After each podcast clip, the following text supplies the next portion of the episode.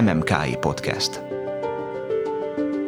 Az MMA Kutatóintézet Kultúrsok című műsora művészetről, újdonságokról, aktualitásokról. Minden, ami zene, irodalom, építészet, film, színház és táncművészet. MMKI Podcast. Üdvözlöm Önöket, ez a Kultúrsok Podcast, a Magyar Művészeti Akadémia podcastje. Én Bátor Anna vagyok. A mai nap során egy különleges vendéget köszönhetek, aki messze földről érkezett, Argentinából. Világszerte ismert színművész, számtalan színházi díjjal, fellépéssel immár háta mögött. Dél-Amerikában temérdek színházat járt be. A 2010-es évek végén saját előadó estjeit a szakszofon és a próza jellemezte. Megjelentek saját felvételei is. 2011-től a színdarabjait elvitte Argentína legelszigeteltebb és legszegényebb térségeibe, hogy ott is jelen legyen a művészet. 2012-ben megnyitotta többet magával Abrapampában, Juju provinciában, Argentínában a legelső egyetemet a benszülöttek számára. Ifjú korában súlyos betegségben szenvedett, ezért a véradás fő célkitűzésévé vált művészi pályafutásában is. Számos dokumentumfilmet készített a véradás fontosságáról. 2012-ben megmászta a Mount Everestet, ott is a véradás szükségességét hirdette. Nemrégiben megjelent a La Pluma de Cali, ami annyit jelent, hogy Káli tolla című könyve, az elmúlt években az írásnak, a zenének és a színháznak szenteli életét, emellett három gyermekes családapa. Itt van tehát mellettem, egyenesen Argentinából Facundo Arana. Szervusz! Hello. Hello, Anna. Hogy vagy? Jó, köszönöm, és te hogy vagy? Ha, most épp nagyon izgatott vagyok, hogy elkészítjük ezt a podcast beszélgetést, és nagyon boldog vagyok, hogy itt lehetek. Ez egy teljesen új világ számodra, hogy most itt vagy Magyarországon, Budapesten. Mondhatom ezt így? Ó, igen. Ezt mondhatjuk így. Itt vagyok már hat napja, illetve már hét napja, és nagyon boldog vagyok. Sokat sétálok, engedem magam, hogy elveszek Budapest szívében. Rendkívül sok szeretetteljes, fantasztikus embert ismertem meg, és minden, amit eddig csináltam, az jól ment. És amikor a tévéműsorba kellett mennem, hát az olyan volt, mint amikor az izgalom a tetőfokára hág, és mindenki olyan nagy lelkű volt. És olyan emberekkel dolgoztam együtt, akik mindig jókedvűen mosolyogtak, és pontosan tudták, hogy mi a feladatuk. Mindenki olyan professzionális. És tudod, a legtöbbször, amikor az emberek szemébe nézek, akkor nem spanyolul, nem angolul vagy magyarul kommunikálok, mert ha a tekinteteddel és a szemeiddel beszélsz, akkor nincs szükség szavakra. Nagyon tetszik ez a gondolatmenet. Nem tudom, hogy hallottál-e már róla, de néhány évvel ezelőtt Bécsben, az Albertina Múzeumban készítettek egy gyönyörű performanszot, amiben két idős ember újra találkozott, azt hiszem 50 év után. Nem szólhattak semmit, a kamerán keresztül lehetett nézni a tekintetüket, és több mint 15 percig ültek egymással hmm. szemben, és csak a szemükkel kommunikáltak. A szem a lélek tükre. Pontosan. Így ők akkor értették egymást. Pontosan. Afelől szeretnék érdeklődni, hogy miként tudod a pályát különböző területeit összeegyeztetni, mert ugye az egyik percben a kamera előtt kell lenned, a stúdióban, ami azért egy teljesen más, más atmoszférája van ennek a közegnek, mint annak, mint amikor kimész a szabadba, nyárod a természetet, vagy annak, amikor az utca emberének a tekintetét fürkészed. Mindegyik nagyon különböző azért. Igen, de, de mégis mindegyik összefügg egymással. Összefüggnek? Igen, igen, pontosan. Vannak olyan területek a szakmában, amikor minden hektikus, rohanni kell, de egyben nagyon precíznek és pontosnak kell lenni. Például egy élő adásban, amikor nem szeretnél késni, nem szeretnél lemaradni, de hirtelen rájössz, hogy életben vagy, hogy az életed során sok minden történhetett volna, és semmi sem fontosabb ennél. A közönséget nem fogja érdekelni, ha véletlenül rontasz, mert az a lényeg, hogy jól érezzék magukat. Szóval ennek értelmében csak nyugodtnak kell maradni. Hiszen ha kimész az utcára, azt látod, hogy az embereknek arra van szüksége, hogy belenézz a másik szemébe, hogy kedvesen kommunikálja másikkal, hogy, hogy, hogy figyelj a másikra. És azt mondjad, hogy minden rendben van. Mindenkinek van helye a világban, és mindannyian ugyanarra vágyunk, ami micsoda?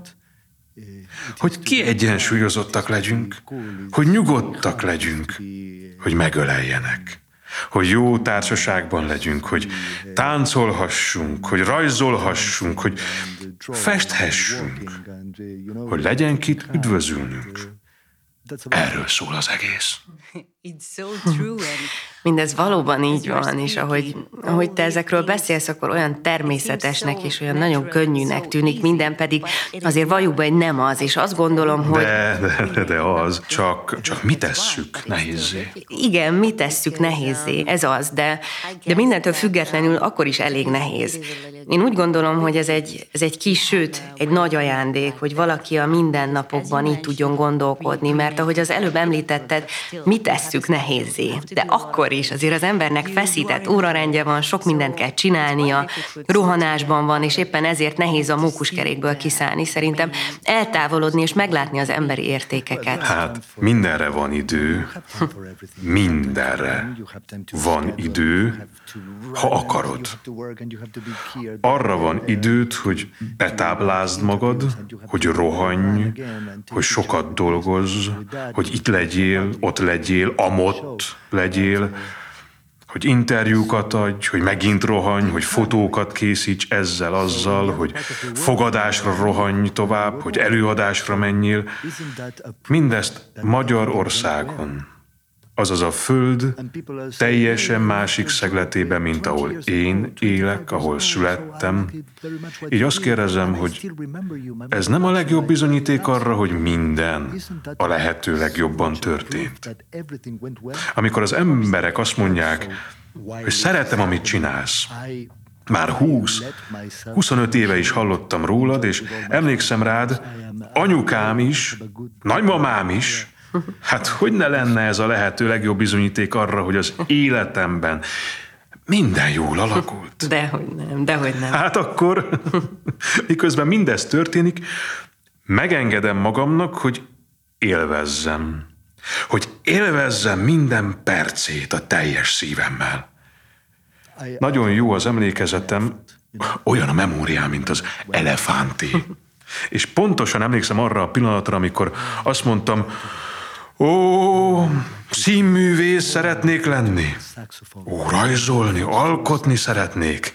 Szakszofonozni szeretnék. És amikor először megláttam egy szakszofont, azt gondoltam, hogy képtelenség. Egyszerűen lehetetlen, hogy egy hangot elő tudjak csalni a hangszerből. És amikor meglett a hangszerem, és amikor fogtam a szakszofont a kezemben, akkor valóban nem tudtam még megszólaltatni. De a legbelsőm akkor már tudta, és elhatározta, hogy én szakszofonos szeretnék lenni. Annyira pontosan emlékszem arra a pillanatra, akkor olyan voltam, mint egy Kaptam ma tőled egy csodálatos ajándékot. Elmondanád kérlek nekünk, hogy mit? Ez egy, ez egy rajzfüzet. Igen. Ez egy vázlatfüzet, amiben bármit festhetsz. Igen, igen, vagy, igen. Vagy rajzolhatsz bele, és egy, és egy tollat még mellé. De mindenek felett ez egy csodálatos ajándék, amit nagyon-nagyon-nagyon köszönök. Köszönöm én. És tudod, ez a rajzfüzet jól jelképezi azt, ami egykor a kívánságom volt, amikor fiatal ember, gyerek voltam, 13 éves voltam, amikor szakszofonos szerettem volna lenni. 15, amikor elhatároztam, hogy színész szeretnék lenni. Pont olyan voltam, mint ez a vázlatfüzet. Az egész fehér volt. Nem volt még beleírva. Nekem kellett teleírnom. Nagyon türelmesnek kellett lennem, és egyben szerencsésnek, hogy egy hosszú élet során megvalósíthatom azt, amiről álmodoztam. És ezt meg tudtam tenni. Én csak rászánom az időt arra, hogy kiélvezzem azokat az eseményeket, amelyek történnek. Miközben én még mindig írom az életem könyvébe a kalandokat. Természetesen. Az imént említetted azt a pillanatot, amikor először megpillantottad a szakszofont, vagy amikor először kezdtél el színészkedni. De mi az első benyomásod? Mi volt az az első benyomás, vagy emléked a zenéről? Volt például altató dalod, amit a szüleid énekeltek neked? Há, van egy olyan emlékem, mm, amit el se hinnél nekem, hogy igaz. Nagyjából öt éves lehettem, amikor ez történt. Volt ez a zenész, aki elkészítette az első nagy lemezét, benne volt a tévében is, hiszen akkoriban nagyon híres volt, szerintem még ma is az. Ő volt az, aki bevezetett engem a zene világába. Ő egy zongorista volt, el tudta játszani minden idők legnagyobb popslágereit, mint például a Fürelizét, az Amor le Fior de Salvahest, a Letter to Adeline, a Letter for My Mother, a Song for Adeline, így hát, így hát megkértem édesanyámat, anya, anya, én ezt akarom. Mindössze öt éves voltam. Anyukám azt mondta, rendben van, és megvette nekem a kazettát, az elsőt, amelyet ez a művész valaha kiadott. A következő évben elkészült a második, ő pedig aztán egy világhírű művész lett, aztán a harmadik megjelenés jött, a harmadik, nekem pedig minden egyes kazetta megvolt tőle. És mindig csak hallgattam, hallgattam, hosszú órákon keresztül. Úgy gondoltam, hogy zongoristának születtem. Tényleg? Ezt nem is tudtam. Igen, igen, igen. Anyukám ezt látta. És azt mondta apukámnak, Nézd, ez a gyerek folyamatosan zongorát hallgat, mindig azt hajtogatja, hogy zongora így, zongora úgy, zongorát szeretnék. A szüleim annyira szerettek engem, hogy végül elmentek venni egy zongorát. Elmentek egy boltba, ahol zongorát is lehetett kapni, és megmondták az eladónak, hogy a fiam imádja a zongorát, és meg akar tanulni rajta játszani. Elvittek egy zenetanárhoz is, aki azt mondta, Énekeljem el vele, amit játszani fog. Azt mondta, nézzék, ennek a kisrácnak... Van hozzá érzéke? Igen, van hozzá. Szóval a szüleim elmentek zongorát venni, és az eladó azt mondta nekik, szóval önök nagyon szeretik a gyermeküket? Igen, válaszolták ők. És venni fognak neki egy zongorát, pedig ő még csak 6-7 éves. Igen, válaszolták. És mennyire szeretik a fiúkat, mindennél jobban szeretem őt. Ezt mondta az apám. Tudod, mit sózott rájuk? Egy szintetizátort. Sok ritmussal. Az apukám vett egy három az egyben zongorát, ami nem is az volt, amire szükségem lett volna, vagy amit szerettem volna. Nem úgy hangzott, mint a zongora, amit hallani szerettem volna. Mert ez nem egy klasszikus zongora volt. Hát... Nem tudtam rajta használni mindkét kezem. Túl rövid volt. Igen. Azért. Mert egyszerre csak egy kéz kellett a ritmushoz. Szóval ez volt a kalandom a zongorával. És ez megakadályozta a karriered a zongorával, vagy nem? Há, amikor 20 két éves voltam, munkát kaptam a tévében. És elkezdtem pénzt keresni, és ott volt a húgom, aki három évvel fiatalabb nálam. Ő zenész akart lenni, zongora művész. Oh, értem, zongora művész. Igen, igen.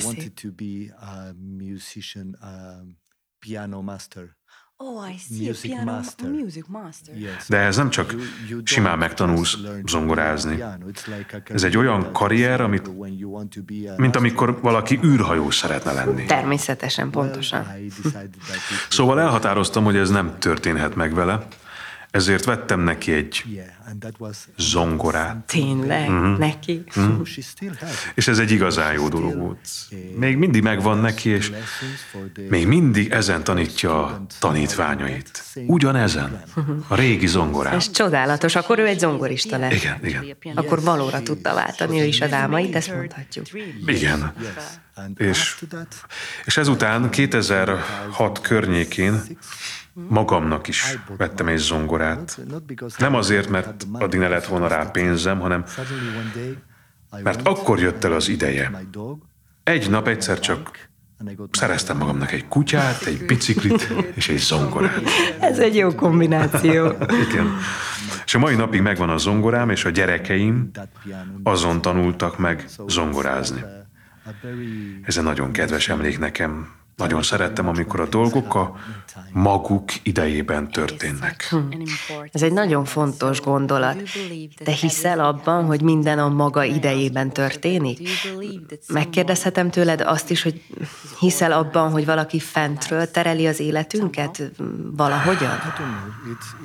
Nem tudom. Ez az emberi észnek felfoghatatlan.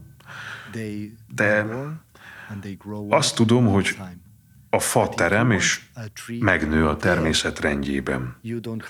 De ha azt mondod, hogy én szeretnék most ide egy fát, és vársz, hogy a fa nőjön, anélkül, hogy elültetnéd, akkor nem fog nőni. Neked kell elültetni. Nagyon szeretem, amikor a dolgaimnak és az emlékeimnek a magját én vettem el, és látom, ahogy nő. Mert ebben az értelemben és ezzel a metaforával élve nagyon szeretem, ahogy a kertem növekszik, és szeretem gondját viselni azoknak a növényeknek és azoknak a fáknak, amelyeket én ültettem az életem során. Ez egy gyönyörű szimbólum, mert, mert az egész élet ilyen, szerintem. Így van, így van. De neked el kell vetni azt a magot, és a természet erejével valahogy minden nő és minden fejlődik abból Igen. majd.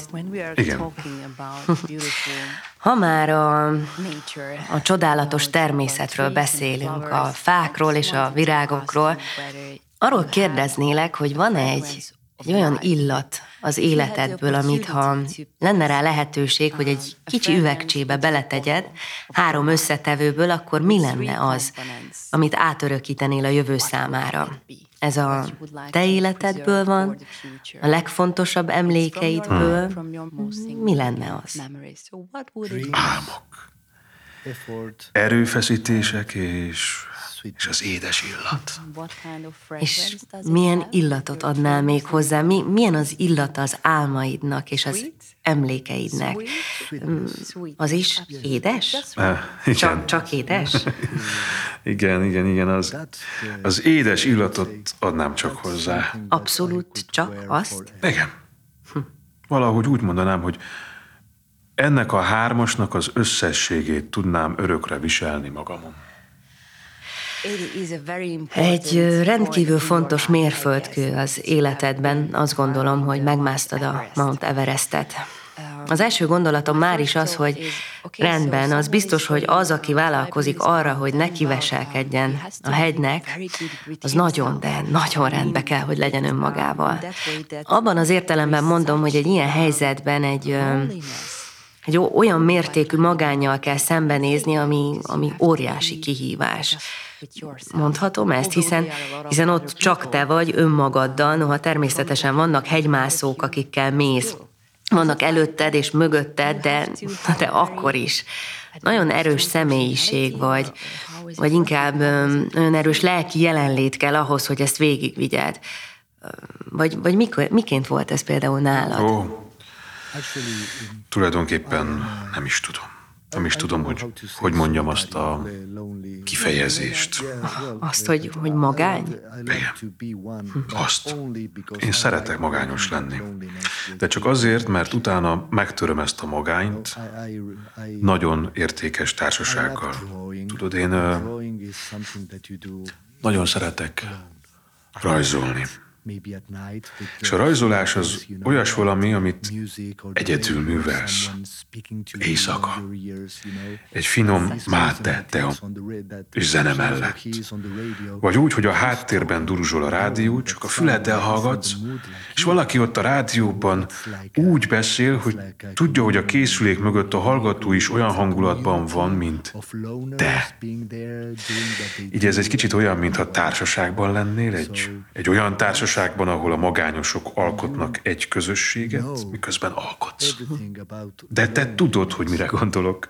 Szóval, hogy is mondjam, ha megtapasztalod a magányt, és tudsz róla mindent, akkor a legjobb dolog a magányban az az, amikor feloldhatod ezt a magányt valakivel, aki jobbá teszi a személyiségedet, aki által jobban érzed magad, mint az elmélyült magányosság legjobb pillanatában. És ez nem egy könnyű dolog. És ha megtalálod ezeket az embereket, akkor nem vagy már magányos, és nem is szeretnél az lenni, mert találtál valakit, vagy valamit, ami jobban áll. Az nagyon jó, hogyha ha erős vagy, és főleg az, hogyha van társad a hegymászásban, de mégis ki kell, hogy mondjam, hogy azért ott szembe kell nézned a halállal is. Ezt olyan értelemben mondom, hogy egy ilyen expedíció során láthatod, ahogy a másik nem éli túl, és te nem maradhatsz ott, mert, mert egyszerűen menned kell tovább, és, és ott kell hagynod, és talán talán ez a legextrémebb dolog ebben az Igen. egészben. Igen, pontosan. Pontosan úgy, mint az életben. Az igazság az, hogy szerencsére sosem történt velem olyan, hogy hegymászás közben a társam, vagy valaki más bajba került volna. De azt jól tudom, hogy ez bármikor megtörténhetett volna. És egy hegy meghódítása és a csúcs elérése Mit sem ér akkor, ha te valakit magad mögött hagysz? A csúcs elérése egy igen nagy érdem lehet, vagy éppen egy leírhatatlanul nagy szégyenfolt is lehet. Mindez attól függ, hogy te miként jutsz fel a csúcsra. Ha a csúcsot úgy éred el, hogy valakit, aki bajban van, magad mögött hagysz, mert a saját célod vezérel, akkor a szégyen sikerét aratod le. A szégyenét. Bizony. Bizony, akkor a szégyen csúcsára ér fel az ember, nem pedig a hegy csúcsára. Tudnia kell az embernek, és én tudom, hogy mit jelent az, amikor ez a csúcspontja egy kalannak. Egy csúcspontja az életnek, vagy valami olyasminek, amiért küzdöttem, és milyen az, amikor a szégyen csúcsosodik. A sikereket könnyen elfelejti az ember, mert az egy jó pillanat, de a szégyent sosem felejti el. Te most már a mindennapjaidat elsőként a családodnak szenteled. Igen, igen, igen, így van. Hogyha kinyitom most a házatok ajtaját, amennyiben megengeded ezt most nekem, csak a képzeletünkben, akkor mit láthatok oda bent? Mondjuk csend van, éjszaka van már. Látlak téged, ahogyan rajzolsz és festesz. Nem bizony. De, de napközben mégis mi történik? A gyerekek például simogatják és dögönyözik a házi állatokat, mert nálatok azért sok házi állat van. Nagyon sok. Igen, igen. Vadász körények szaladgálnak, játszanak a cicával, vitatkoznak a kutyával, és szaladgálnak. Sú! Így át a nappalin keresztül. Így el kell terelnünk az útból a vadászgörényeket és a macskát, akit Gárránnak hívnak. Ő uralja otthon a terepet. És ezt tudja is magáról. És azt is tudja, hogy mi is tudjuk róla. Akkor megvan a maga pozíciója. Kámbá a kutyánk, a neve annyit jelent, hogy fekete. Az argentin benszülött kultúra nyelvén ő, ezek a benszülöttek több száz évvel ezelőtt éltek, Argentinában, és az ő nyelvüket még mindig beszélik. Tehát összegezve, Kambá a házban van, a gyerekek játszanak, vagy kompjútereznek, vagy zongoráznak, vagy a kertben ültetnek az anyukájukkal, Máriával, aki olyan, mint a Barenboim, a legfényesebb tündöklésében. A feleségem olyan, mint egy tökéletes karmester, akinek nincs szüksége a partitúrára, Wow. mert mindent tud fejből. És, és ott van India, a lányunk, aki mindig a lovakkal van, aki épp a lovakhoz megy, vagy a lovaktól jön, és hú, úgy kifárad néha tőlük, hogy már is, már is megy aludni. Szóval összegezvén eh, annyit mondhatok, hogy az otthonunk, az otthonunk mosolyog, nagyon sokat mosolyog. Minden este akkor te azt mondod magadnak, hogy oké, okay, megtettem a maximumot, amit tőlem telik, és, és akkor én így elégedett vagyok. Pontosan így. Pontosan így van, ahogy mondod. Mert nem mindig kapod meg a lehető legjobb eredményt, amire vágysz. De nem arról van szó, hogy mennyit kapsz, hanem ez arról szól, hogy mennyi erőfeszítést, szorgalmat és becsületet teszel a munkádba, abba, amit el szeretnél érni. És ez az, amire a gyerekeimet is tanítom, és ezt próbálom nekik naponta átadni. Ha azt mondják, hogy apa, ma kaptam egy hatost, és én azt látom, hogy mérhetetlenül sokat tanult, és mindent beletett, akkor a hatos felér egy tízessel. Mert így a hatos az egy tízes. Hm, Ebben az esetben mindenképp az. E, Igen, de ha azt mondják, ó, apa, ez könnyű, nem érdekel, nem kell tanulnom, akkor azt mondom, szerencsés vagy, de akkor ez a jó jegy nem jelent semmit, és ez belülről te is érezni fogod.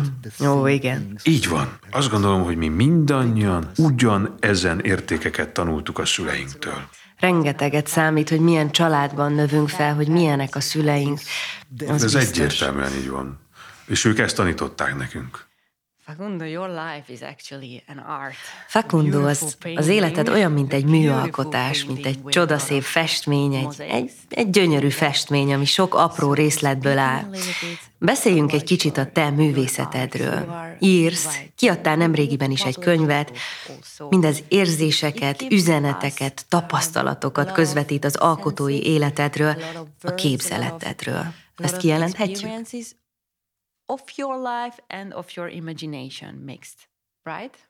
Igen, igen, ez eh, így igaz. A La Pluma de Cali, ami az említett könyvem címe, ott a pluma az azt jelenti, amit ma kaptam ajándékba. Tehát az egy toll. Igen, egy toll. Egy lúttoll. Így van, egy, egy penna. Tehát a pluma az a tollat jelenti. És Káli, ő a legjobb barátom volt. Ő olyan egyszerűen, olyan volt, mint a testvérem.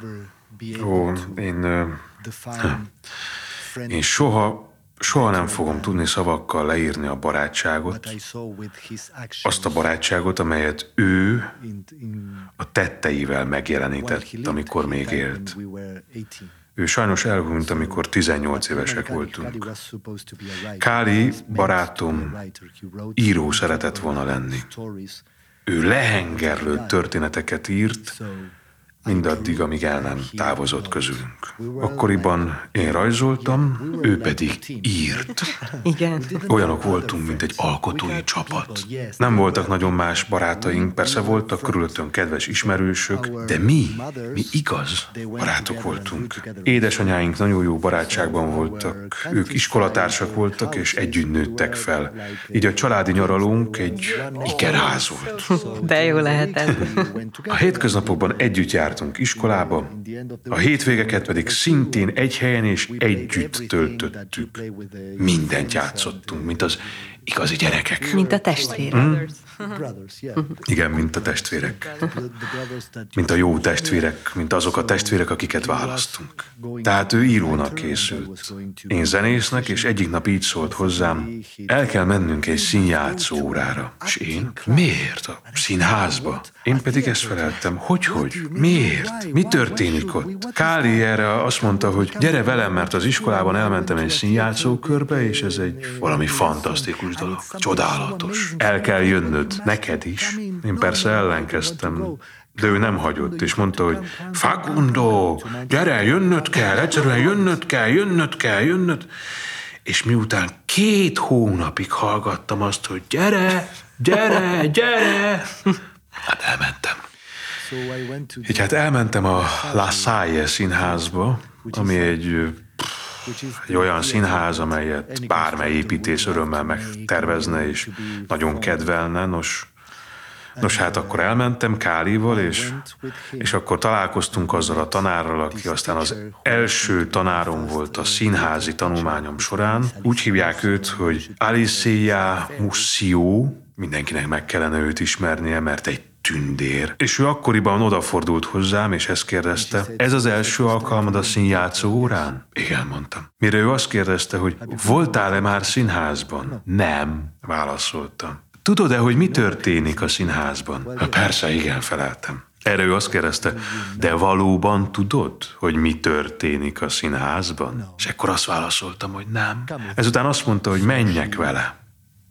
Elindultunk, és bevitt engem a színházterembe, ahol a fények le voltak kapcsolva. Színházterem hatalmas volt. És képzeld, hogy bementünk és megálltunk az utolsó sorban, az ajtóban, minden egyes csillár le volt kapcsolva, egyetlen kék színházi lámpa világított meg a színpadon egy asztalt, és két széket, és amikor ezt a képet onnan hátulról megláttam, há, elállt lélegzetem.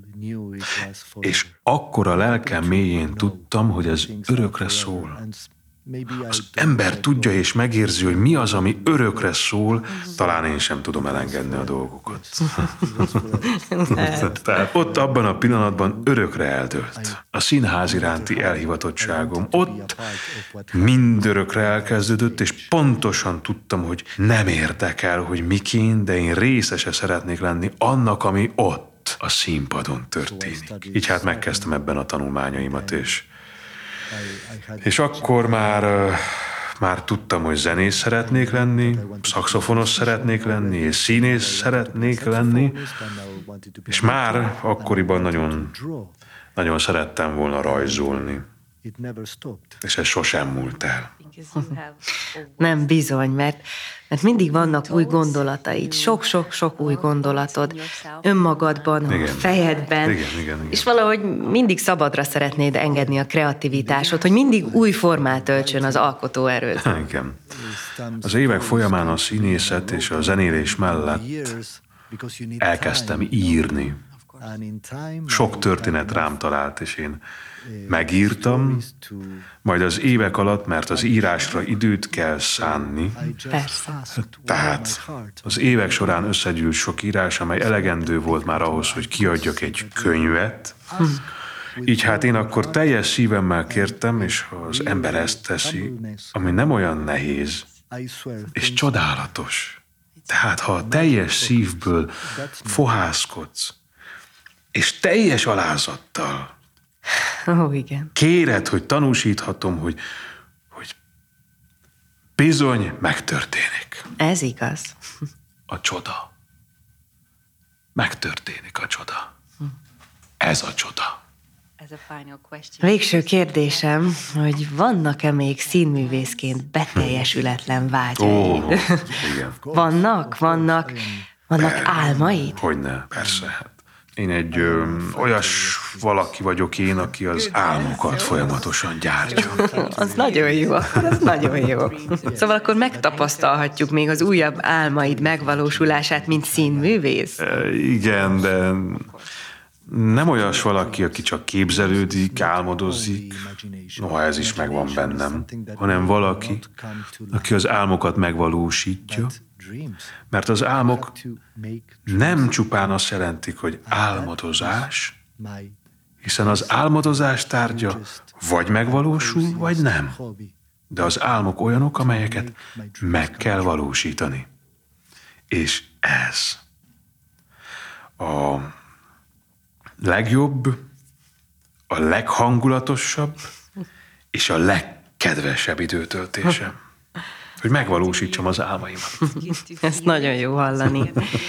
Ezt jó hallani, ezt jó érezni, mert bizony érezzük, és te nem csak a saját álmaidat, de mások álmát is megvalósítottad, lehet, hogy még itt Magyarországon is.